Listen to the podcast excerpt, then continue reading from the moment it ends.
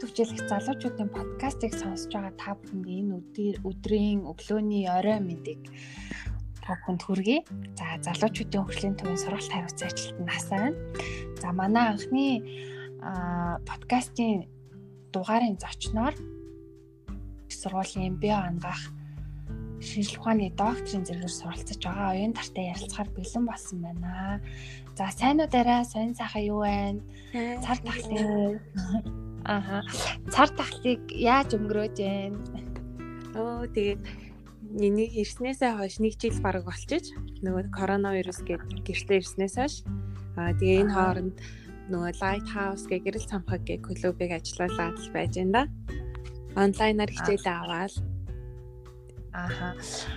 Онлайнаар хичээл авч байгаа гэснээс юу англи хэлний хичээлүүд ороодсэн тий? Аа. Онлайнаар англи хэлний хичээл орж байгаа. За. За хоёлаа чиний бага насны чинь талаар жоохон чиний талаар ярилцвал ямар хаан сургууль ямар сургууль төгсөө өөрийнх нь хобби одоо сонирхол ер нь ямар төрлийн хүүхэд байсан бэ? Аа. За ямарчсан бүгдээрээ сайн байцгаана уу? Бүгдээрэнд нэг өдрийн мэндийг хүргэе. Аа тэгээ намайг оюун дээр гэдэг. Би 10 жилдээ математикийн үзүүлсэн сургалтад 4-р сургуулийг төгссөн Дундгов аймагт. 2013 онд сургуулаа төгсөөд би 2 жил ангаахын тэгээд ангаа Монгол улсын ангаах ангаахын шилэн ухааны их сургуульд сурч исэн.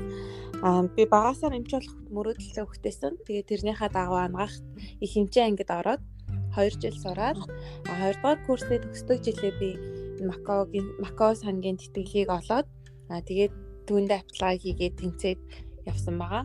Харин Макао Макогийн сургуульд болохоор би бионгахын шинжлэх ухаан мэрэгчлэр 4 жил бакалавра сураад төгссөн. За тэгээд одоо болохоор 19 онд би бакалавра төгсөөд одоо үргэлжлүүлээд доктороор сураад одоо 2 дахь жилдээ явж байна.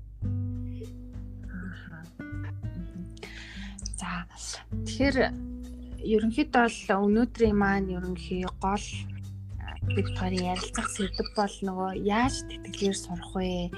За тэгээд гадаадд сурах, Монголд сурах хоёрын маш ялгаа нь юу гэдгийг. Тэгэхээр нөгөө хүүхдүүд гадаадд сурах маш одоо сүүлийн үед маш их зоригтой болсон шүү дээ. Одоо гадаадд сурах зоригтой. Тэгэхээр одоо яаж гэдэг асуултыг асуумаар байна л да. Яаж одоо энэ тэтгэлэгт хамрагдав яаж гадаадд одоо тэр цэм Макао гэдэг чинь айгу баг Монгол эрдэн баг өмнө суралцж байгаа гэдгийг баг би нэг сонсож байгаагүй юм байна. Аа. Энэ бол Монгол эрдэнд маш цөөхөн байдаг бах тий. Тийм би анх очиход манай сургуульд бол нэг ч Монгол оюутан байгаагүй. Би 4 жил ганцаараа Монгол оюутан байсараа төгссөн. А гэхдээ бусад сургуулиудад нь бол ганц хоёр оюутнууд байдаг. Хэдэн монголчууд ер нь бол байдаг. Тийм тэгээд аа би болохоор 10 жилдээ ерөнхийдөө англи хэлийг хэрэгтэй гэдгийг айгүйх мэдээд өөрөө айгүйх хичээж суралцдаг байсан. Зөндөө олон сургалтанд ч явж үзчихсэн. Аа тэгээд аа 10 дугаар ангид байна уу? Нөгөө би тэгээд анх нөгөө Facebook-тэй болоод Facebook нэгээл тэгээ байж хахад нөгөө Харвардд сурдаг бэлгүүн гэдэг хүүхдийн юм юу байдаг нэг нийтлэл явж исэн баггүй юу тэрний талаар Тэгэл хөөх би тэгэхэд л анх удаа баг яг өмнө нь нөгөө нэг ээжийн ажлын хүн ч юм уу эсвэл бүр хамаатнуудын бүр танихгүй хүмүүс ч юм уу те тэрний тэр хүүхэд ингээ гадаадд сурдаг гэд ингээ сонсч л байснаас ш. Яг үнэхээр ингээ сурч болдгийм байх гэдгийг бас ингээ өөрөө яг мдээгүй байсан. Тэгээд тэр бэлгүүн гэд хүүхдээ Харвардд сурдаг нэг тэр талаар уншичаад би хөөх Монгол хүн бас ингэж сурч болдгийм байх те Монгол хүн бас ингээ гадагшаа авч болдгийм байх гэж миний нүд айгүйх тийж нэгдэжсэн. А тэгэнгүүтээ би тэрнээс өөдөөд би гадаадд сурах айгүй хүсэлтэй болоод яг тэр нийтлэлийг уншснаас хойш би өөртөө гадаадд тэтгэлэгтэй сурмаар байна гэсэн тийм надад тийм хүсэл айгүйх төрж исэн. Гэхдээ тэр үед би нөгөө 11-ээ төгсөнгүүтээ явах боломж би тэдэд ер нь аль тэр үед мэдээлэлч бага байсан те боломж бага байсан. Яаж ерөнхийдөө тэтгэлэг авдаг, яаж явах талаар юус юуч мэддэггүйсэн болохоор ямар ч байсан хүслээ дагаад анаахт орчихсон. Аа тэгээд анаахт нэгэнт орсон болохоор би юу гэж бодож исэн гэхээр за би анаахт нэгэнт орсон чинь анаахаа төгсчөөд аа магистр эсвэл мэрэгжил дэвшлэл христэнт ч юм уу те тэд нарыгаа би гадагшаа явж сурах хэрэгтэй байна гэж бодсон байсан баггүй юу. Тэгээ би яг олон сургууль руу ингэж аплай хийж үзээгүй ерөнхийдөө за би төгсөөд болно гэд хоошин тавьсан байсан чинь. Нөгөө энэ Макао сангийн тэтгэлэг зарлагдсан зарыг манай ихч маань уншаад. Тэгээд намайг apply хийгээд үзээч гэж хэлжсэн. Тэгээд би тэр үедээ яг нөгөө 2 дугаар курсээ төгсөжсэн анагаахын хичээл ер нь айгүй хүнд олон нөгөө унших юмтай амаар асуугддаг. Аа тэгээд би дөнгөж нөгөө 5 сард мэдчихсэн баггүй. Тэгээд тэрнийх нь 5 сарын 30-нд би TOEFL өгөх хэрэгтэй байдаг. Би 5 сарын 11-нд 12-ны үеэр мэдсэн. Тэгэнгүүт хамгийн ойрхон TOEFL гэсэн чинь 5 сарын 30-нд байсан. Тэрэндээ шууд бүртгүүлээл тэгэл 14 хоног би бүр айгүй бэлтжижсэн. Тэг хажуугаар нь хичээлээ эндээ би тэнцгүй болол анаахта үргэлжлүүлээ сурах болно ш. Тэгэхээр хичээлээ хийж болохгүй. Тэгээ би 14 хоног баг нойр халбаш явах. Тэг өдөрт нэг 2 3 цаг удаал тийж бэлтэж байгаа тавлаа өгөөд тэгээ шалгалтаа өгөөд ярилцлагаа өгөөд өргөдөл дээр нөө эсэ энэ төр бичдэг штэ. Тэрийг бичээд тэгээд өгч исэн. Тэгэхээр миний хувьд бол би тийж нөө олон сургуулиуд руу apply хийж үзээгүй болохоор яг бүх сургуулийн процесс юм байдаг гэж бол хэлж бол чадахгүй. Гэхдээ ерөнхий юм нь юу вэ гэхээр хүмүүс яг сэтгэлэгт ингээ хамрагсахын тулд хүмүүс юуг нь хамгийн хэлж хайх хэрэгтэй вэ гэхээр өөрөө эхлээд хаан сурмаар байгаа юм те. Европ юм уу Аз юм уу Америк юм уу Австрал юм уу. Аль аль улсад сурмаар байгаагаа ингээ шийдчих Тэгвэл тэр сургуулаасаа тэр дундаасаа сургуулаа сонгочих болно. А эсвэл ямар чиглэлээр сурахаа өөрөө үнэхээр сайн мэдж байгаа бол те өөрийнх нь чиглэлээр аль сургуулиуд сайн байна те аль сургуулиудын босго нь арай гайгүй байна гэдгийг харах хэрэгтэй. Тэгэхээр ингэдэг би нөгөө нэг Томьёодас ментор хийж байгаа дээ. Тэгээд би тийм Томьёогийн ментор хийгээд нилээд өгтөдтэй ярилцаж утсан. А тэгээд ихэнх хүүхдүүд нь дандаа тэтгэлэг яаж авах вэ гэж надаас асуудаг. Энэ бол айгүй түгээмэл асуултууд. А гэхдээ энэ болохоор яг сургууль сургуулийн стандарт өөртэй шалгуур өөр улс улсын засгийн газраас өгж байгаа тэтгэлэг өөр. Тэгэхээр хамгийн түрүүнд хүнээс ингэж асуухын оронд би бол өөрөө тэр сургуулаа хайгаад сургуулийнхаа мэдээлэл рүү ингээ орохоор бүх мэдээлэл нь байдаг байхгүй юу? Англи хэлний наад захын жоохон мэдлэгтэй байхад бол ойлгож байна. Нөгөө нэг admission requirement гэж байж байдаг тий. Тэр лөө н оронгууд за IELTS-ийн хэд байгаа нь хэрэгтэй, TOEFL-ийн хэд байгаа нь хэрэгтэй тий. Ямар ямар шалгалт өгсөн байх хэрэгтэй юм. Эсвэл ямар тий эсвэл одоо тэтгэлэг байгаа бол сургуулиуд чи өөрсдөөс өөрсдөө гэсэн тэтгэлэгтэй байдаг. Тодорхой хувийн 100% биш юм аа гэхэд зарим сургуулиуд 100% тэтгэлэгтэй байдаг. Тэгвэл scholarship хэсэг рүү н ороод тэ international student scholarship гэдэг олон улсын оюутнуудын тэтгэлэг рүү н ороод тэгэнгүүт тэнд нь дахиад шаардлагууд байгаа ямар ямар шаардлагатай хизээ ер нь ингээд сүүлийн хугацаанд байдгийг гэдэг бүх мэдээллүүд энэ сургуулиудын вебсайтад байдаг байхгүй Тэгэхээр хамгийн гол нь өөрийнхөө сонирхож байгаа мэрэгжлийн дагуу сургуулаа хайх хэрэгтэй. Нэгдүгээр эсвэл өөрийнхөө очимоор байгаа газрын дагуу тий. Тэгээд хилээ маш сайн сайжруулах хэрэгтэй англи хэлээ. Мэдээж англи хэлээр бид нар хичээлийг үзэн тий. Магадгүй Япон ч юм уу өөр газруудад бол тухайн хэлээр нь үзэн. Гэтэ дийлэнх бол орнуудад бол англиар явагддаг сургуулиуд зөндөө байгаа. За тэгээд сургуулиуд нь яг гой сэтгэлд чинь таарсан 100% тэтгэлэг ч юм уу байхгүй байх юм бол нөгөө засгийн газрын тэтгэлэг рүү орж үзэж болно. Тухайн улсынхаа нөлтийн сайдын яамных нь вебсайт руу ч юм уу те. Ингээд орохоор бүх мэдээллүүд ерөнхийдөө байдаг гэсэн үг. Тэгээ миний тэтгэлгийн хувьд бол миний тэтгэлэг өөрөө 100% тэтгэлэг байсан. Тэгэхээр байр тэгээ сургалтын төлбөр 100% үнэгүй. Тэгээ манай байр нь цаанаасаа нөгөө хоол өгдөг байхгүй юу. Тэгэхээр хоол бас үнэгүй. Сар болгын стипенд авдаг А тэгээд жилдээ нэг удаа гэрлүүгээ ирж очих зардал байдаг гэсэн. Тэгэхээр миний тэтгэлэг бол айгүй гоё тэтгэлэг байсан. Би зөөр сурсныхаа төлөө ингээд цалин аваад тэг гэртээ нэг удаа ирж очиод ингээд ингээд байж байгаа гэсэн. Тэгэхээр ер нь бол боломжууд айгүй өндөр. Би анх 10 жил тахтаа болохоор одоо дандаа юм гой том том хувийн сургуулиудыг төгссөн те хобби орчлон ч юм уу ийм мондөг мондөг сургуулиудыг төгссөн хүмүүс гадаад явдаг ах та гэж боддог гэсэн бол би өөрөө те дундгой аймагт дөрөвдүгээр сургуулийг төгсчөөд гадагшаа ингээд ийм тэтгэлгээр явж чадсан. Тэгэхээр би бусад дүү нартаа ч гэсэн боломж байгаа шүү л гэж хэлмээр байна. Тэгэхээр ерөнхийдөө бол аа ер нь өөрийнхөө зүгээс юм уу ер нь байнга одоо юунаас мотивац авдаг вэ? Одоо юмаа хийх одоо шантрах үе байна шүү дээ. Тэгэхээр одоо юунаас мотивац авдаг вэ? Яагаад би энийг хийх ёстой гэж боддог вэ ер нь? Би болохоор 10 жил болол одоо нөгөө нэг inspirational videos өдрөдөг штэ тий чиста босоод энийг хий тийг ин гэсэн том том хүмүүсийн TED Talk ч юм уу тий ийм яриануудаас айгүйх 10 жилдээ бол айгүй хурам авдаг гэсэн. Гэхдээ би сүүлдээ яасан гэхээр би өөрөө сүлдээ өөрийгөө мотивацжуулдаг болсон. Ягаад гэвэл ингээд хүн болгоны явах зам өөр те хүнд алдах үе байна, онох үе байна. А харин яг хүний алдаанаас хүн сураа явж байвал тэр нь сайн те. Заавал өөрөө алдахгүйгээр хүний алдаанаас сурж байвал тэр нь сайн хэрэг. А гэхдээ хүн болгоны замнал өөр болохоор одоо хэдий тэр хүн чамайг ингээд шантарч болохгүй босоод хий гэсэн ч гэсэн хүн шантрах үе байдаг. Хэдий хэдий ингээд тэр хүнтэй босоод хий гэж ингээд ахад надад юроос ингээ урам зориг өгөхгүй байгаа үе надад байсан байхгүй юу? Би өөрөө яг надад айгүй ингээд дарамттай санагдчихсэн нэг удаа. Би нөө өөрөө яг ингээд жоохон сэтгэлээр утсан. Тийм байсан тийм байсан үед ингээд жоохон сэтгэлээ өргөе гэж бодоод ингээд ганц нэг видео утсан чинь хараа надад ингээд дарамттай санагдаа те ёо би жоохон амармаар байна гэж би дотроо бодож байсан байхгүй. Бүх хүн л ингээд босоод чи яг одоо ингээд гүйцэтгэг гэл ингэж яриад ахаар надад өөр нэг дарамттай санагдчихсан.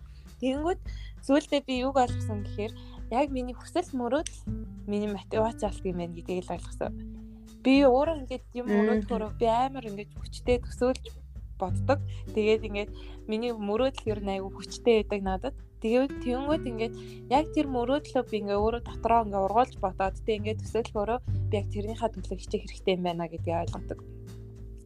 Тэгэхээр тийм тэгэхээр одоо ингээд хэдийгээр ингээд чи ингээд наа чамд хэцүү санагдаад байвал тэг ингээд шантраад байвал яг өөртөө жоохон ингээд амралт авал та. Заавал ягаад амрахгүйгээр ингээд өдөр болгон хийх ёстой гэж те амармаар байвал амар мөрөөдлийнхөө төлөө хиймээр байвал хий. Тэгэхээр өөртөө ингээд чөлөөт цаг ерөнхийдөө гаргаж явах хэрэгтэй.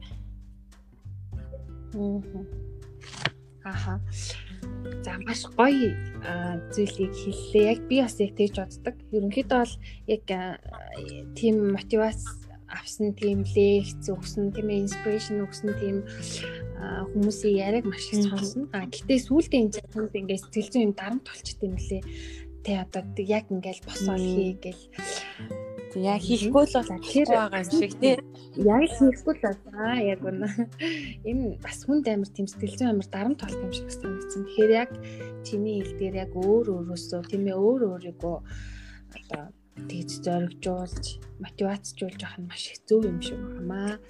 За тэгэхээр бас нэг юм сонирхолтой санагдаж байна л да. Ер нь хүнд ингээд амьдралд баримталдаг зарчмууд гэж үүдэн штэ. Яг одоо нэг юм бүр ингээд хөвшил бас болцсон тий. Яг тэр хөвшлийнхаа үр дүнд өөрийгөө бүтээдэг бас хүмүүс байдаг. Тэгэхээр амьдралдаа баримталдаг зарчмаас нэг гурвыг тодорхойлж хэлвэл яг ямар ямар зарчим байдаг вэ? одоо яг юу юу одоо ингэж жишээ нь одоо өглөө босдог ч юм уу тиймэрхүү зарчмууд уу? Эсвэл одоо хүн таслах ч юм уу? Нэг тиймэрхүү зарчим уу? А ер нь нөгөө нэг тийм амьдралын нөгөө өдөр тутмын биш. А яг нөгөө амьдралдаа баримтдаг нэг хүний нэг юу гэдэг нь штэ. За. Тийм одоо нөгөө хүний одоо баримтлагдаг тийм зарчим байдаг штэ нэг тийм за нэгдүгээр яг яг 3 гэж би яг ингэж яг одоо бодсон юм бол байхгүй. Гэтэ одоо яг санаанд орж байгаа миний нэг байнга гэж боддог юм бол би надад ингээ боломж нь байвал би хүн туслах юмсан гэж аявих боддог. Яагаад гэхээр би ингээ заримдаа ингээ өөрийгөө харахаар би өөрөөсөө илүү нөгөө хүмүүст илүү их цаг гаргадаг байхгүй юу? Одоо ингээд би хэдий их ингээ хичээлтэй байсан ч гэсэн хүн надаа нэг юм орчуулад өгөөч гэж гойх юм бол би эхлээд тэр хүний имийг ингэж орчуулж өгчөөд өөрөө дараа нь хичээлээ ингээд хийдэг. Тэгэхээр өөрийгөө жоохон хоёр тавьчаад идэг. Тэр нь яг нэг бодлын буруу юм шиг байгаа. А гэхдээ ингээд надад боломж болцоо байхад те тэр хүн надаас ингээд тусламж гуйж ахад би яагаад тусалж болохгүй гэж те би өөрөө ингээд цаг гаргаад хэдий ингээд завгаагаа ч гэсэн те цаг гаргах боломж нь надад байхад би туслах хэрэгтэй гэж боддог. А заримдаа хүмүүс ингэдэг штэ те өө энэ миний ингээд дургуй хүн те надаас ингээд гинтхэн надаас ингээд тусламж гуйж юм сте тэнийг амтэн те би энэ тусалмааргүй байна гэдэг би дургу хүн байсан ч би бол туслая л гэж боддог. Ягаад тэгэхээр тэр хүнтэй үнэхээр арга нь мухарсан болол надаас тусламж гойж байгаа тий. Үнэхээр чадахгүй болоод надаас асууж байгаа. Тэгэхээр би ингээ боломж болцоонд байвал над миний дургу хүнчээс хамаагүй хамгийн дуртай хүнчээс хамаагүй тий. Ямар ч байсан л тэр хүнд ингээ жоохон ч гэсэн тус болох юмсан. Миний мэдлэг хурж байвал тий тэр хүн жоохон ч гэсэн ингээ туслах юмсан гэж аявих боддог тэр тэр бол миний ямар ч гэсэн нэгдүгээрт ингээд авч явдаг зүйл байгаа. Ямар ч гэсэн л боломж бодолцоо мэддэг чаддаг юм аа л бүгдээ ингээд нь туслахыг боддог. Аа нэг тэгээд хоёрдугаар яадаг зарчим маань одоо ингэ дагдаг зарчим маань гэх юм бол би хүнээс өөрөө тусламжныг авахыг хүсдэггүй. Яагаад тэгэхээр би ингээ хүнээс асуухаасаа өмнө өөрөө эхлэж чадах нь үгүй юу гэдгийг үздэг. Тэр маань ч гэсэн миний ингээд англи хэл сурахад маань агиох нөлөөлсөн гэж би боддог. Яагаад тэгэхээр одоо ингээ хичээл дээр маань ч юм уу мэдгүй зүйл ингээ гарч ирэхээр би ингээд мэддэг хүнээс нь асуухын оронд өөрөө гуглддаг аахгүй юу өөрөө ойлгохыг хичээдэг гэсэн. Лекцээрээ би багшаас багшийн яаж байгаа юмыг ойлгоогүй болвол би YouTube-ээс ингээд өөрөө үзээд ойлгохыг хичээд хичээдэг. Аа тэгээд хичээснийхаа дараа би ингээд жоохон мэдлэгтэй болсныхаа дараа би нэг зөв ойлгож юу гэдэг үднэстэй мэддэг хүнээс асуудаг ч юм уу. Аа энэ энэ юу гэсэн утгатай үг юм болоо гэд би хин нэгнээс асуухаасаа өмнө би өөрөө ингээд дээр чаадаг. Тэгэхээр ямар ч байсан одоо ингээд би ингээд бионохын чиглэлээр сурж байгаа. Тэгэхээр надад математикийн ч юм уу, компьютерийн ч юм уу мэдлэг ингээд дутагдах юмноо зөндөө гарна. А гэхдээ тэр болгонд би ингээд компьютер мэддэг найзаасаа ингээд гүйчиж асуугаад байдгүй. Би айлгаас энийг яаж хийх юм бол гээд ингээд англиар ингээд Google дээр хайчдаг байхгүй юу. Тэгэхээр ингээд ерөнхийдөө видеонууд эсвэл амархан байдлаар ингээд step by step гайдууд гараад ирдэг. А тэгээд тэр байдлаараа би ингээд ингээд өөрөө ингээд сурахыг боддог. Тэгэхээр энэ нь надад ингээ хувь хүний хөгжилт маань ч гэсэн тэ англи хэл сурахад маань ч гэсэн сурахад бусад хичээлээ сурахад маань ч гэсэн айгүй сайнаар нөлөөлдөг. Тэгэхээр ингээд надаас ингээ хүмүүс ингээд тусламж асуухад би өөрөө тусалдаг мөртлөөсөө өөрөө бусдаас тусламж авах нэг тийм дуртай биш гэсэн. Тэгээд хүнд би төвөг болох дургу.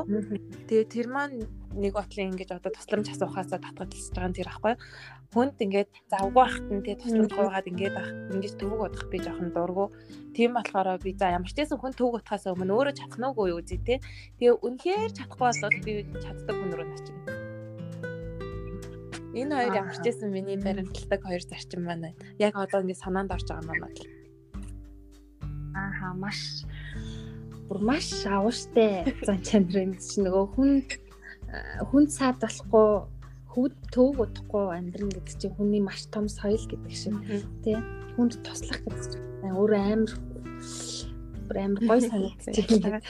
За тэр а юуны томьёод ментор хийж байгаа талаараа бас жоохон мэдээлэл өгвөл юуны талаар яг ямар чиглэлээр яг тэтгэлэг авах талаар өгж байгаа юм уу эсвэл яг сургуулийнхаа талаар өгч байгаа болоо Томьёодор болохоор хүүхдүүд нөгөө асуулт асуухаар нь тэрэнд нь бол хариулдаг. Одоо зүгээр юугаар коммент маягаар тий ингэж хариулдаг.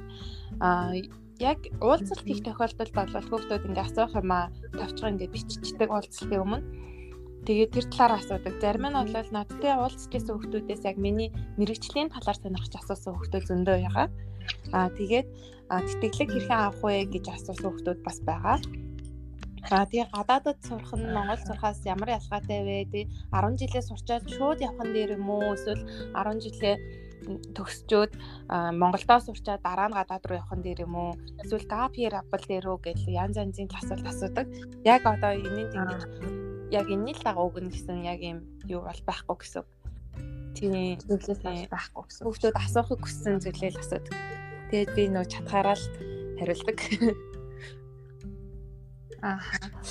Тэгэхээр маш сонирхол татж байгаа зүйл нь танай Макаогийн их сургууль байна л да. Яг Макаогийн их сургууль гээд өмнө нь яг нөгөө түгээмэл яг сонсож байгаа хүнээр болоод тэр юм уу нөгөө ихэнх хүмүүс чинь тэ Англи, Америк, Америкийн Солонгос, Хятад гээд тэтгэлээр суугаад ирсэн мэдээж. Тэгэхээр сургуулийнхаа талаар жоохон мэдээлэл өгвөл яг бас мэрэгжлийнхаа тэ био био ангаах шинжилгээ ухаан гээд бас ямар мэрэгчлээ гэм бол энүүгээр суралцаад яг давуу тал нь юу байдгийг гэх мэт. Манай сургууль болохоор ерөнхийдөө айгүй шинжтэр сургууль байгаа. Одоо дөнгөж 40 жил ч арай хүрээгүй яваа байгуулагдаад Тэгэхээр майгүй шин сургууль байгаа. Аа тэгээд Мако гэхээр хүмүүс нөгөө нэг казиногоор нь айгүй сайн мэднэ те. Азийн Лас Вегас гэж тэгдэг штеп. За тэгэнгүүт Маког ингээ казино гэж мэддэг. Аа гэхдээ казиногоороо Мако ч айгүй хорлого олдог маш их орлого олдог. Тэдгээрийнх нь тодорхой хувь нь ингээд сурлага одоо нөгөө нэг судалгаа руу ингээд орж идэг байхгүй юу? Тэгэхээр хүмүүс хэдийгээр Америк, Австрали, Европ тэ ингээл Япон, Солонгос гэдэг ч юм уу тийшээ ингээд явсан хүмүүс ингээд сурдаг ч гэсэн одоо ингээд Тайван, Хонконг, Макао зэрэгт одоо айгүй сайн сайн сургуулиуд байдгийг ч гэсэн бас мэддэггүй байхгүй юу. Тэгэхээр одоо нөгөө нэг Америкт сурсан хүн лаг ч юм уу тэ Австрали сурсан хүмүүс гоё ч юм уу тэ Тэгээд бусад одоо ингээд жижиг газар сурсан хүмүүсийг хүмүүсийг болохоор ингээд жоохон сурггүй гэж жоохон дэгдэгтэй. Гэхдээ ерөнхийдөө өөрөө сайн ингээд судлах юм бол заавал тий олон хүмүүстэй ингэж одоо зэрэгцэж одоо айгүй завгүй газар руу ингээд дайраад ах шаардлага байхгүй. Ерөнхийдөө сургуулаа сайн судлах юм бол тий тухайн хамгийн гол нь нөгөө боловсрал шүү дээ. Чиний авах гээд байгаа боловсрал те. Тэр боловсралыг чинь чамд тэр газар өгч чадах нь уу гэдгийг л аягүй сайн судлах хэрэгтэй гэж бодож байна. Гэхдээ миний хувьд бол би угаасаа олон газарлууд тэтгэлэг рүү ингэж apply хийгээгүй. Ганцхан өгсөн маань тэр маань тэнцсэн болохоор би тэрэндээ явж исэн. Тэгээ тэр үедээ болоод би нөгөө гадаадд сурна гэл тэрийг айгүй боддог байсан болохоор тэгээд бодлын хүчигтэй миний мөрөөдөл ингээ би хэлжсэн. Тэгээд тэр үедээ би сургуулийнхаа үнэндээ те дэлхийд хэдэж агсдгийг ямар хөө сургуулийн гэдгийг ч баг судлаагүй гэсэн үг байхгүй. Тэгэхээр одоо бол одоо хүмүүсд зөндөө боломж гараад ирсэн чинь тэр талаар бол судлах хэрэгтэй. А манай сургууль гэхдээ азар айгүй гайгүй сургууль байсан. Айгүй гайгүй сургууль. Айгүй тэтгэлтэй. Тэгээд шинэ сургууль гэхэд одоо ингээд дэлхийд 200 үедэд ингээд жагсдаг. Айгүй шинэ сургууль гэхэд айгуу сайн явж байгаа. Ягаад тэгэхээр нэг юм нь болохоор одоо нөгөө сургуульд оруулж байгаа хөрөнгө оруулалт байхгүй юу? Одоо казиногоос ирж байгаа хөрөнгө оруулалт те. Тэр чинь ингээд бүгд судалгаа сургууль руу ингээд ороод ирэхээр хүмүүс яалтчгүй тэр судалгааг нь хийгээд те. Яалтчгүй тэр нөгөө нэг сэтгүүл янз бүрийн хэвлэл одоо хүүхдүүдийн одоо тэр PhD хийсэн хүүхдүүдийн судалгааг ингээд паблиш хийгээд те. Боломжийг нь аявуух гаргаж өгч байгаа. Тэгээд сүүлд манай сургууль 2010 3 онд илүү 14 онд шинэ кампуст олж исэн. Тэгээд би яг 15 онд яг шинэ кампустай ашиглалтанд орж байгаа жил нь очиж исэн. Тэгэл надад бол анх айгүй гой санагдчихсэн.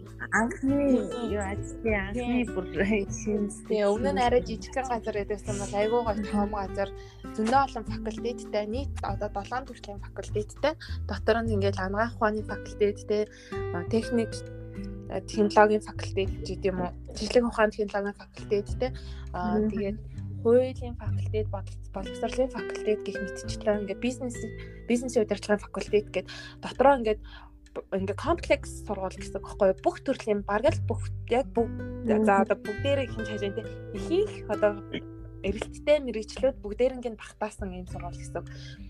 Тэгэнгүүт одоо би би анхын чиглэлээр сурахаараа би нөгөө нэг ангаахын факультетэд нь орчтой байхгүй.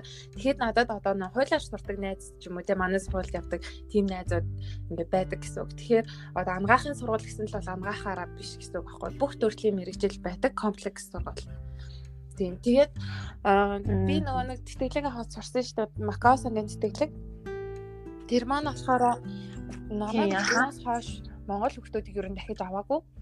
Тэгээд одоо ингээд 100% тэтгэлэг маань тийм Монгол хүмүүсийн сурах 100% тэтгэлэг маань ингээд байхгүй болчих жоохгүй. Гэхдээ манай сургууль өөрөө одоо олон улсын оюутнуудыг ингээд татах гад 100% тэтгэлгийг гаргасан байгаа. Тэр нь болохоор бакалавр, магистрийн зэрэгээр авдаг. Тэгээд миний тэтгэлгээс нэг өөр юм нэх юм бол нэ ирэх очих зардал өгдөггүй. Тэгээд стипенд өгдөг байгаа. Тэрнээс биш сургалтын төлбөр байр хоол өнгөө А гэхдээ хүүхэд өөрөө сэргэлэн байж чадах юм бол те оюутан өөрөө сэргэлэн байж чадах юм бол цагийн ажил хийх боломжтой. Бакод гэхдээ ингээд гадуур цагийн ажил хийх боломж байдгийн зөвхөн кампус дотроо цагийн ажил хийх боломжтой. Аа за.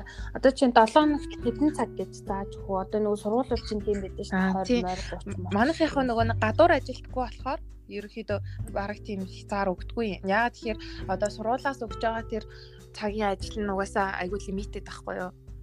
Тэгэхээр цөөхөн ажил байдаг, цөөхөн цагийн цөөхөн ажил байдаг гэсэн үг. Тийм. Аа зөв зөв. Аха. Тэгэхээр ерөнхийдөө бол нөгөө Монгол Монголд оюутан байж утсан гадаадд бас оюутан байна. Тэгэхээр энэ хоёрын маш том ялгаа нь одоо боловсролын систем ч юм уу те багш нарын заа харга эсвэл чамд арай өөрөөр ажиллагдсан гэж болно шүү дээ. Тэгэхээр энэ ялгааны За би ангаахт 2 жил сурсан. Тэгээ тэргээ би айгүй том даваа тал гэж бас боддог. Аа ангаахт сурж байхад яг би Монголын бүх сургууль сурж үзээг болохоор бүгдийг бас мэдгүй л дээ. Гэхдээ миний хувьд яг боддог зүйл юу гэхээр Монголын жоохон боловсралттэй багш нар айгүй их дарамт өгдөг байх гэж би боддог байхгүй юу. Яагаад тэгэхээр ангаахт намайг ингээд сурдаг ахад багш нар ингээд одоо би бараг би тэд чи өдөр болгон л амаар шүлэхтэй те амаар асууцдаг тийм байл шүү дээ. Тэгээд тэгж яхад ингээд хідэн асуулт асуун тэрнийхээ ин те магадгүй талын зөв хариулаад талын буруу хариулахад бид тэд шууд ингээд 0 тавьдаг ч юм уу те. Тэгэл тэгэнгүүт юу 10 жилдээ 0 авч үзээгүй хүн чинь ингээд 0 авангууд чинь сандраал хэлж юм чинь те. Одоо яана би одоо ингээд 0 нэг болж байгаа юм байна гэж бодлоо те. Тэгэл ингээд айгүй хүмүүс дарамт ирдэг. Тэгээд ном бас айгүй хахуулдаг одоо ингээд ном шахдаг гэх юм уу.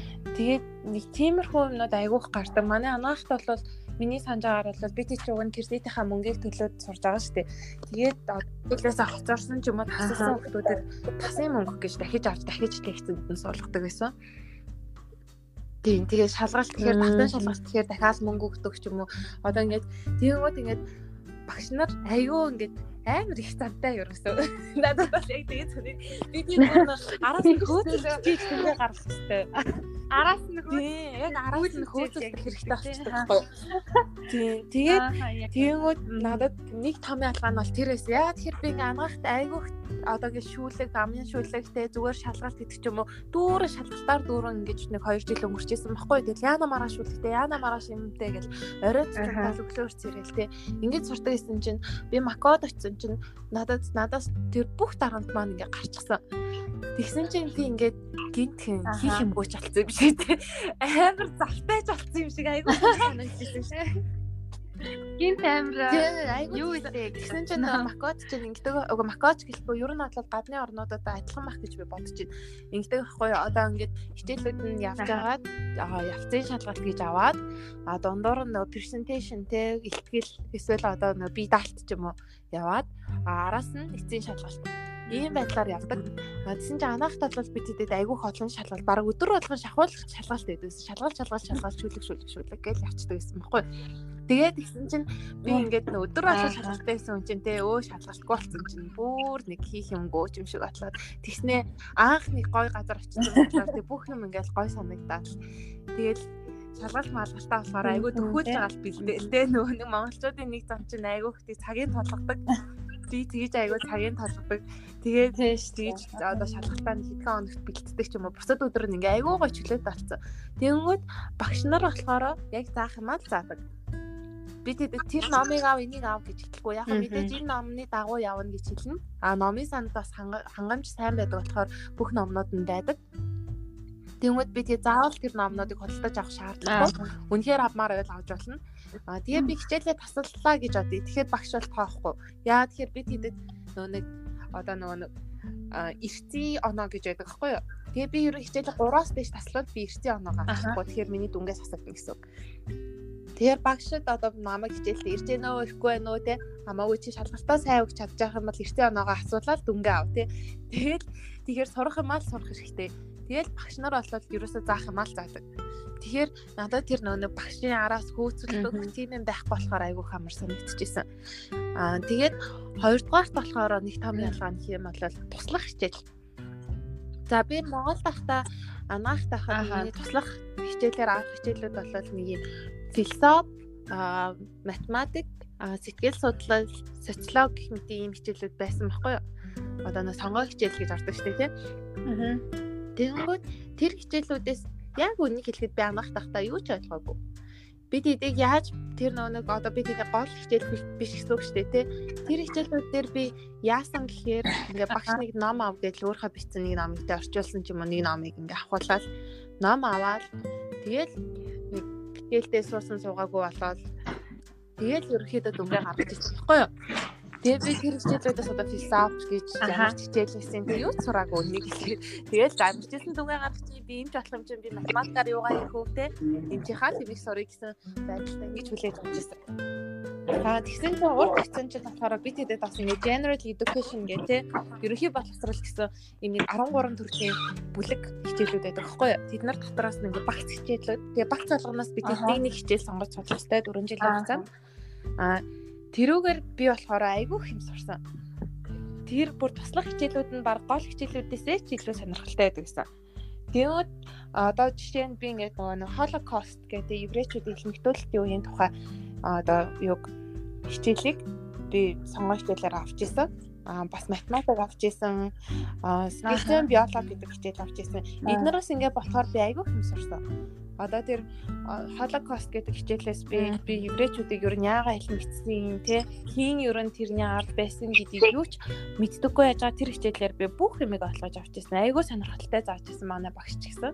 А тэгэнгүүт сэтгэл зүйн биологи гэдгээр би дэ энэ LGBT хүмүүс яагаад ийм болсон гэдэг ч юм уу? Ийм юмнууд ингээ ойлгож авч байгаа хгүй. А тэгэнгүүт одоо дэлхийн газрын зургийг дэлхийн түүх газрын зургаар гэдэг би бас түүх хичээл авч ирсэн. Тэгмээ тэндээс бас те ер нь газрын зургаар ингээд яаж ингэж түүх үүсэж байгаа нь те яаж ингэж хүмүүс газрын ер нь ингэж тогтоосон гэдэг ч юм уу? Ийм сонирхолтой сонирхолтой юмнуудыг айгүйх сурч ирсэн. Тэнгүүд багш нь ч гэсэн яг заах юмаа заадаг. Сурагчид нь оюутнууд нь ч гэсэн яг сурдаг. Тэнгүүд би яг юу гэж хэлэх гээд юм хэрэг Монголд болохоор энэ туслах хичээлүүдийг болохоор би ингэж боцсон баггүй юу? Яг ингэж нөгөө кредитийн нэг мөнгө те хүүхдүүдийн сургалтын төлбөрийг нэмэх нэг нэг юм болсон байхгүй багш нь за нэг заасан болоод орхичдаг оюутнууд нь ч нэг тэгж тоодгүй те туслах хичээл юм чинь би сураад яах юм гэж орхичдаг а урд болохоор багш нь заах юмаа за оюутнууд нь сурах юмаа сурна Тэгвэл энэ туслах хичээлүүд бид нарт яагаад хэрэгтэй юм гэхээр би одоо хэрвээ эмч боллоо. За би би оноохоо шижлэг ухаанч бодлоо гэхэд би дандаа энэ хүмүүстэй харилцахгүй тий. Би дандаа би оноохоо мэрэгчлээ хүмүүстэй харилцахгүй. Би магадгүй төгч хүнтэй таарна. Би ямар нэгэн хүлээн авалтанд ороход би магадгүй математикч хүнтэй таарна штэ тий. Тэгэхэд энэ туслах хичээлүүд чинь бид нарт тэр хүмүүстэй ингэж харилцах боломжийг олгож өгч байгаа хгүй. Харилцах сэдвийг ингэж олж өгч जैन тий. Би тэгэд энэ дэлхий дээр ингээ маш олон төрлийн хүмүүстэй ингээ хамт амьдарч байгаа юм чинь бусад юмнаас ингээ төгс эзэмшдэггүй маа гэж жоохон жоохон ч гэсэн мэдлэгтэй ээжэж би тэр бусад хүмүүстэй ингээ socialize болно штэ тий нийгэм шин Тэрийг чинь ингэж туслах хичээлүүдээр бид хийдэд өгөх гээд байгаа хгүй. Тэр боловсролыг бид нарт олгох гээд байгаа хгүй. Тэгсэн чинь Монгол болохоор зүгээр нэг юм бизнес болгоцсон юм шиг надад санагдсан. Тэгээд тийм яг энэний нэг жишээ нь яасан бэ гэхээр би яг өөрийгөө айгүй мэддий. Нөгөө нэг философи хичээл би үзсэн гэсэн чинь ангаах. Зин чи надад зүгээр бид хэдэд ингээ нөгөө агуу философичдын хідэн ишлэлүүд ингээ цээжлүүлсэн. Тэгээд нөгөөх нь айгүй утгагүй санагдал тий нэг ийм юм ийм хичээл орж исэн байхгүй тэгээ надад бүр амар тэнэг хичээл шиг санагдаж ирсэн. Тэгээд тэгсэн чинь би яг ингээд код очиод нөгөө нэг гадаад оюутнуудын orientation гээд болдог байхгүй юу? Одоо цпрола танилцуулах тийм одоо 0 7 хоног шиг бараг. Тийм болоод би нэг хүнтэй одоо гадаад хаан чанч спанч хүн байлоо. Миний хажууд ингээд сууцаа хоол идчихээд байхгүй би тэгээд Тэгээдсэн чинь чи ямар мэрэгчлээ ингээд наваг тэгэхээр нөө би би амгаах гэж өөрөөс нь асуусан чи би философийн хичээлээр доктор хамгаалж байгаа гэж аахгүй философи мэрэгчлээ. Нэ тэгэхээр би оо өстө философич амар сонирхчихсэн.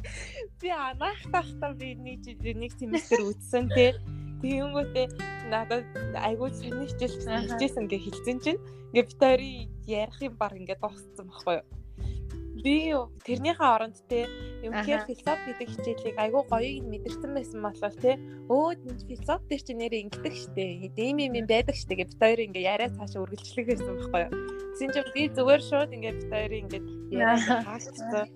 Тэгээд би сүлд бодлоо те би өстэй одоо нөх хүн нөө мэдхгүйгээ харуулсан. Те мэдхгүй юм аа л хүн ерөнхийдөө тэнийг гэж боддог штэ те мэдхгүй юм аа л хүмүүс сонин гэж боддог. Тий яг би яг мэдхгүйгээ л харуулсан байна гэ өөрийгөө айхгүй эсвэл тэгж дүгнжсэн.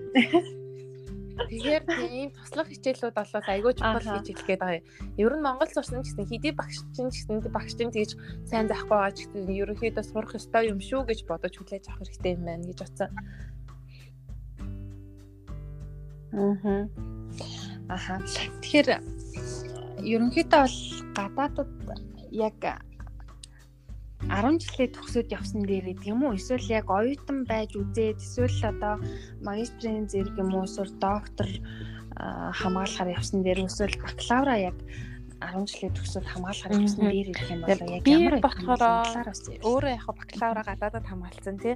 Надад болохоор энэ нь болохоор надад аюух давуу тал шиг санагдчихж байгаа. Яг тэгэхээр энэ одоо миний Макогийн сургуулиас авсан диплом маань өөр өөр улс орнуудад ингэж суралцах боломжийг маань айгүй нээж өгч байгаа. Тийм хүлээн зөвшөөрөгдсөн тий топ 300 сургууль татсан юм уу.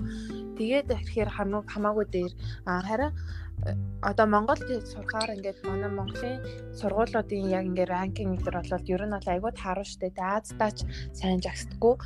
Яг хоо ганц нэг сургуулиуд нь дайггүй сургуулиуд бас байгаа л. Гэхдээ ерөнхийдөө ингээд гадагшаа ингээд apply хийхэд яг одоо нэг кредитийн зөрөө ч юм уу судалсан бах хичээлийн ялгаа ч юм уу айгүйх гардаг бах гэж би бодож байгаа. Тий.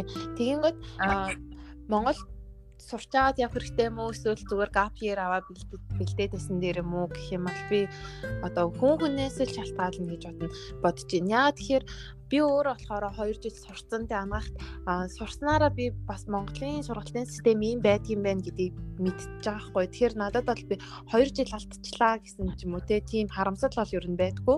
Энэ 2 жилээрээ би сурах ёстой мас сурсан. Аа тэгээ Монголын бас сургалтын систем ямар байд юм бэ те оюутан Монгол оюутнууд ерөнхийдөө ямар хөө байд юм бэ гэдгийг бас мэдээд авсан болохоор надад аюух авааштай санагддаг. Аа gap year авах юм болоод яг нэг давуу тал нь юу юм гэхээр яг тэр жилжингээтэй хүүхэд тухайн одоо 10 жилээ сурсан сурагч 10 жилээ төгссөн сурагч болохоор яг тухайн нэг жилдээ бүтэн яг сайн бэлтэж агаад яг хүссэн сургуулаа авах боломжтой юм те бүх анхаарал нь ганц юм дээр төвлөрж байгаа. Сургуульд орчхоор олон хичээл сурна те хажуугаар нөгөөхдөө бэлтэн гэж жоохон хэцүүлэх ахaltaа. Аа. Тэгэхээр ерөөдөө өөрөө чаднаа л гэж бодож ийл яг гоо Монголд сурсны нэг буруу гэж байхгүй гэж би боддөө штэ. Ядчил танилын үрээ нэмэгдэнэ. Хүнд чинь ер нь танилын үрээ айгүй чухал юм байлээ. Харин тий яг ядрал дээр ингээд гараад харангуутыг танилтай хүмүүсийн ажил илүү хурдан одоо амгааш тий. Одоо 2 жил сурчаад 4 жилийн төгсгөж яхад манай ангаахаар нөгөө 2 жил хамт сурсан ангийнхан маань яг зэрэг төгссөн баггүй юу.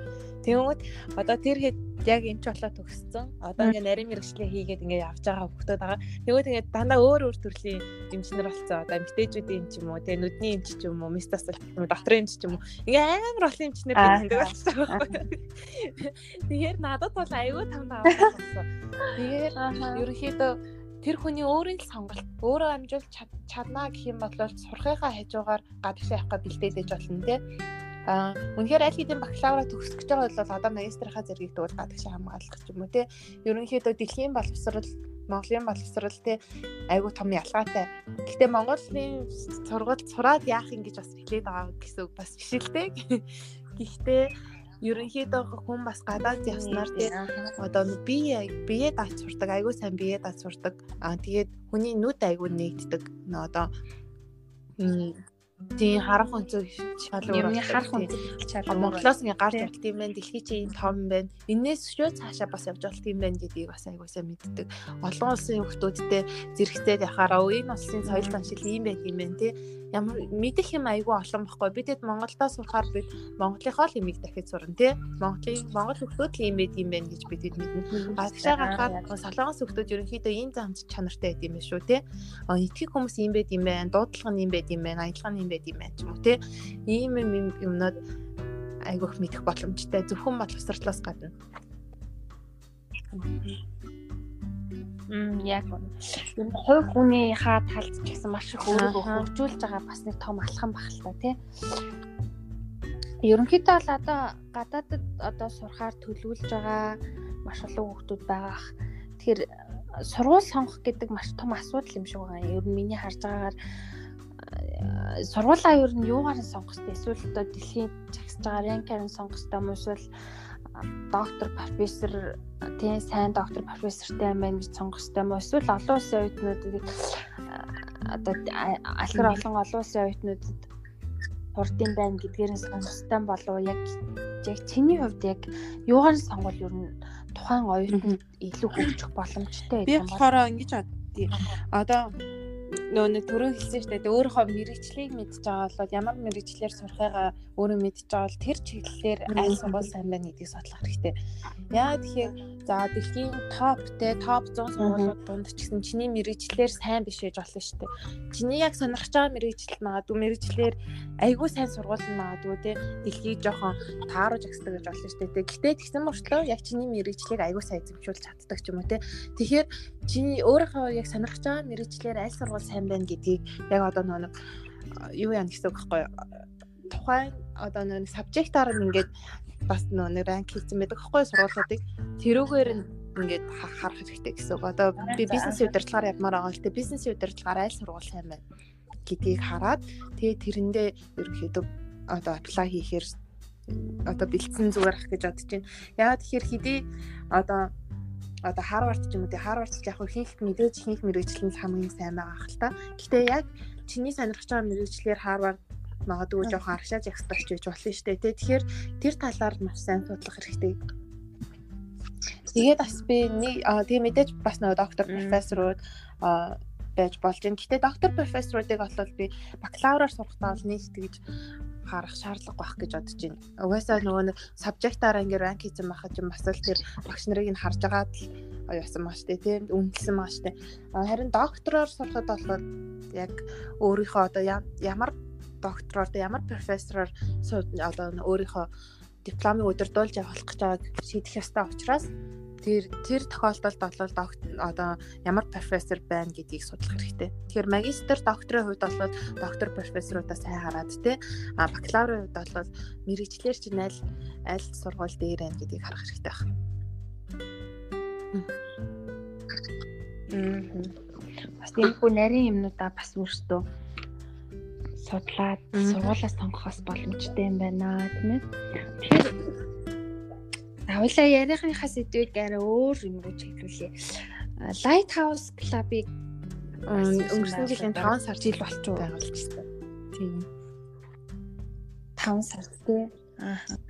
Одоогор Lighthouse маань үйл ажиллагаагаа явуулж байгаа. Одоо яг карантины үеэр зүгээр нөгөө нэг Lighthouse зогссон байгаа тий. Нэг төрлийн нөгөө зураг идэр зурлаад ирсэн шүү дээ тэрийгээ бол зогссон байгаа. Нөгөө олон нийтийн юугаар зогссон байгаа. Харин клубийн хувьд бол 10 жилийн хөтөөхтүүд нөгөө гişүүнээр авсан тий.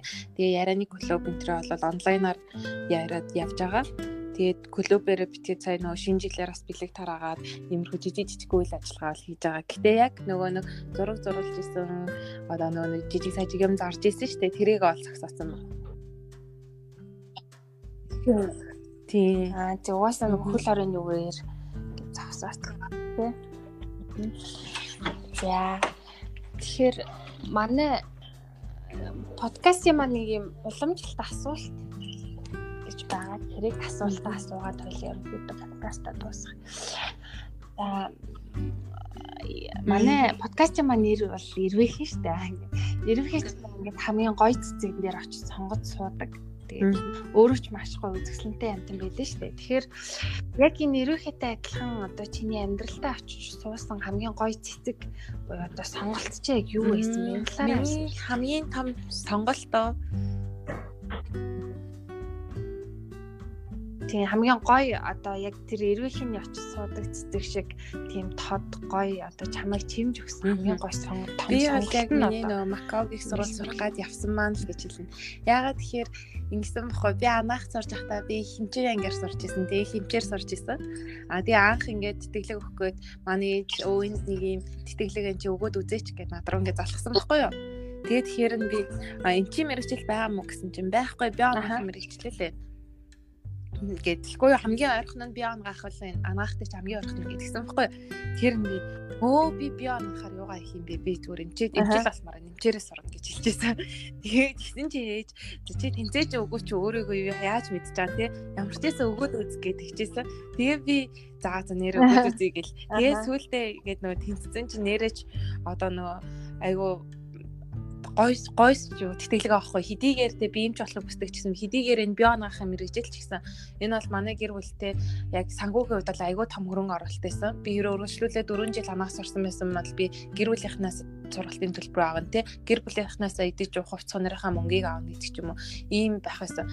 А зөвхөн эдийн засгаас гадна одоо надад бас айгүй том мэдлэг те. Одоо бие дааж сурах мөн одоо англи хэлээ дээшлүүлэх те энэ их боломжийг надад гаргаж ирж исэн болохоор би явахаар шийдчихсэн.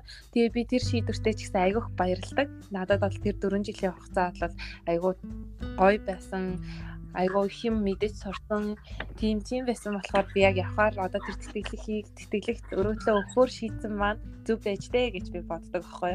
Аа тэгээд Макао руу анх явахдаа би ирээн рүү ч нүндээ хил давж үзээгүй байж байгаа. Шууд онгоцон суугаад явчихсан. Онгоцонд анхудаа суугаад тий. Тэгээд Онгоцны анхудаа сууж байгаа мөртлөөс шууд нислэг байхгүй болохоор Бээжин дээр ингээ онгоцоо солиод ингээл явчихсан. Гав ганцаараа надтай одоо манай гэрийнхнээс хүн амьтан яваагүй. Очоод надад таних байхгүй. Тэгээд тэнгууд хүмүүс одоо би нөө онгоцонд дөнгөж суучаад явж байхад нэг ихчтэй хажууд цоцсон. Хоёлаа юм яриад байхгүй. Тэгсэн чинь тэр ихч намайг хэдэн настай гэсэн чинь би 19 дэ. Би дөгөж 19 дэ явж исэн чинь 19 дэ гэж гисэн чинь өмнө нь ингээм онгоц мосроо хүү гэсэн чинь хүү таныг ярих юм чи ямар зөрөгтэй ингээл Тэгээд ингээ одоо ингээ бүр онгоц ингээд сольж явна тий. Би бүр яаж солих нь мэдэхгүй шүү дээ. Зөрөгтэй юм а чи өөрөө ч зөрөгтэй юм а гэж тэгчихсэн. Тэгээд тиймээд одоо ингээ ботхоор нэрэж амир юм шиг те би ирээж гарч үзээгүй шүү дээ. Ирээж гарч үзээгүй байжснаа тэгээд хийж тампо газарлаа тэгээд ганцаараа яваад өгдөг те. Тэгээ ингээ ботхоор яг миний гадаадд сурыг гэсэн хүсэл маань айгүй өндөр байсан юм болоо те. Миний хүсэл маань миний айцыг ингээ авсан болохоор би айгүй хэрэг гатсан байх гэж боддог. Тэгээд тэр маань айгу зөв сонголт байсан гэж би боддог. Аа тэгээд би анагаахын мэрэгчлийн хувьд бодлоо би нөө эмч болохыг хүсдэг. Өө би анагаах удаа гэж би нэг тэгсэн гэсэн шүү дээ.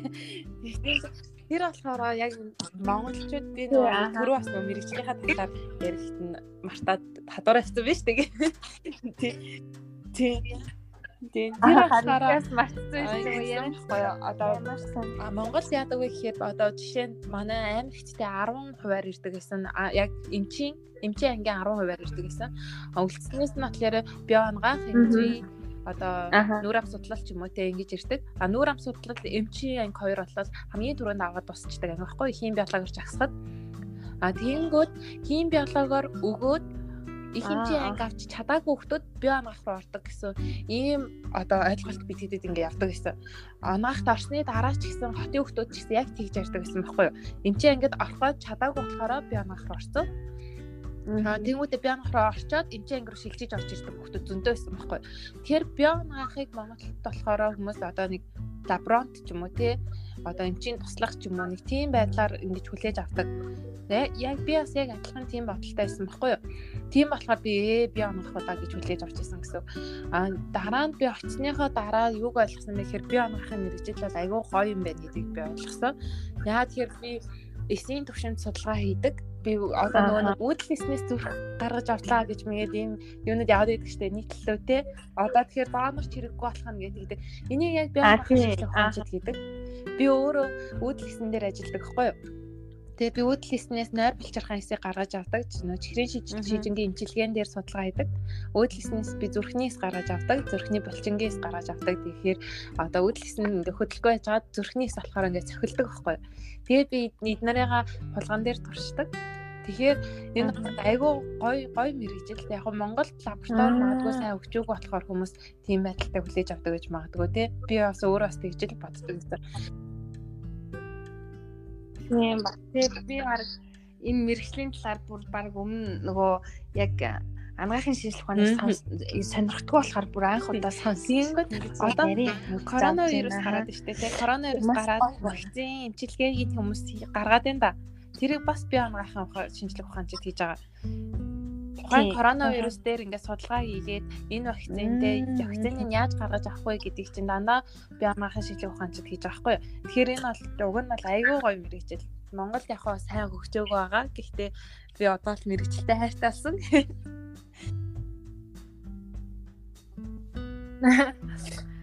маш гоё мэрэгчлээ нөө. Яг ингээд сонсохоор тий нөгөө холон молгон дээр торчдгийг ч одоо би мэ тэр бол одоо киноноос л харна шүү дээ. Аа тэгээд түрүүх нөгөө нэг нэг юм нэмж хэлэх гэжсэн.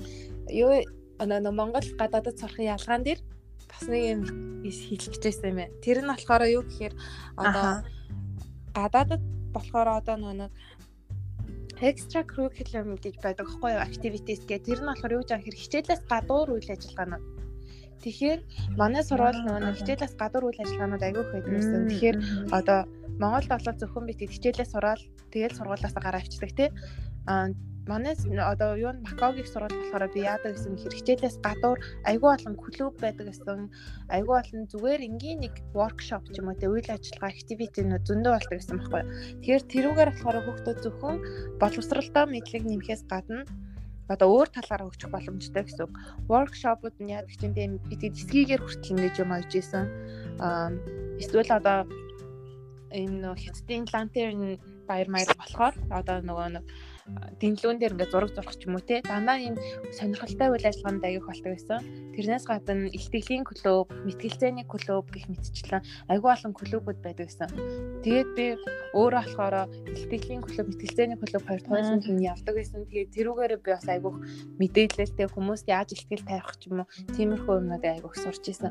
Тэгэхээр тэрүүгээрээ бас нэг том ялгаатай. Тийм Аа, бас тийм ээ тий. Тийм оролцооны оролцооны бүлэг ганцхан нөгөө байт юм байна. Тэрнийх нь үйл ажиллагааг заагаад авахгүй гэсэн үг байхгүй юу? Тийм, тийм. Нэг хувь хүн талаас нь гэсэн үг шүү дээ тий.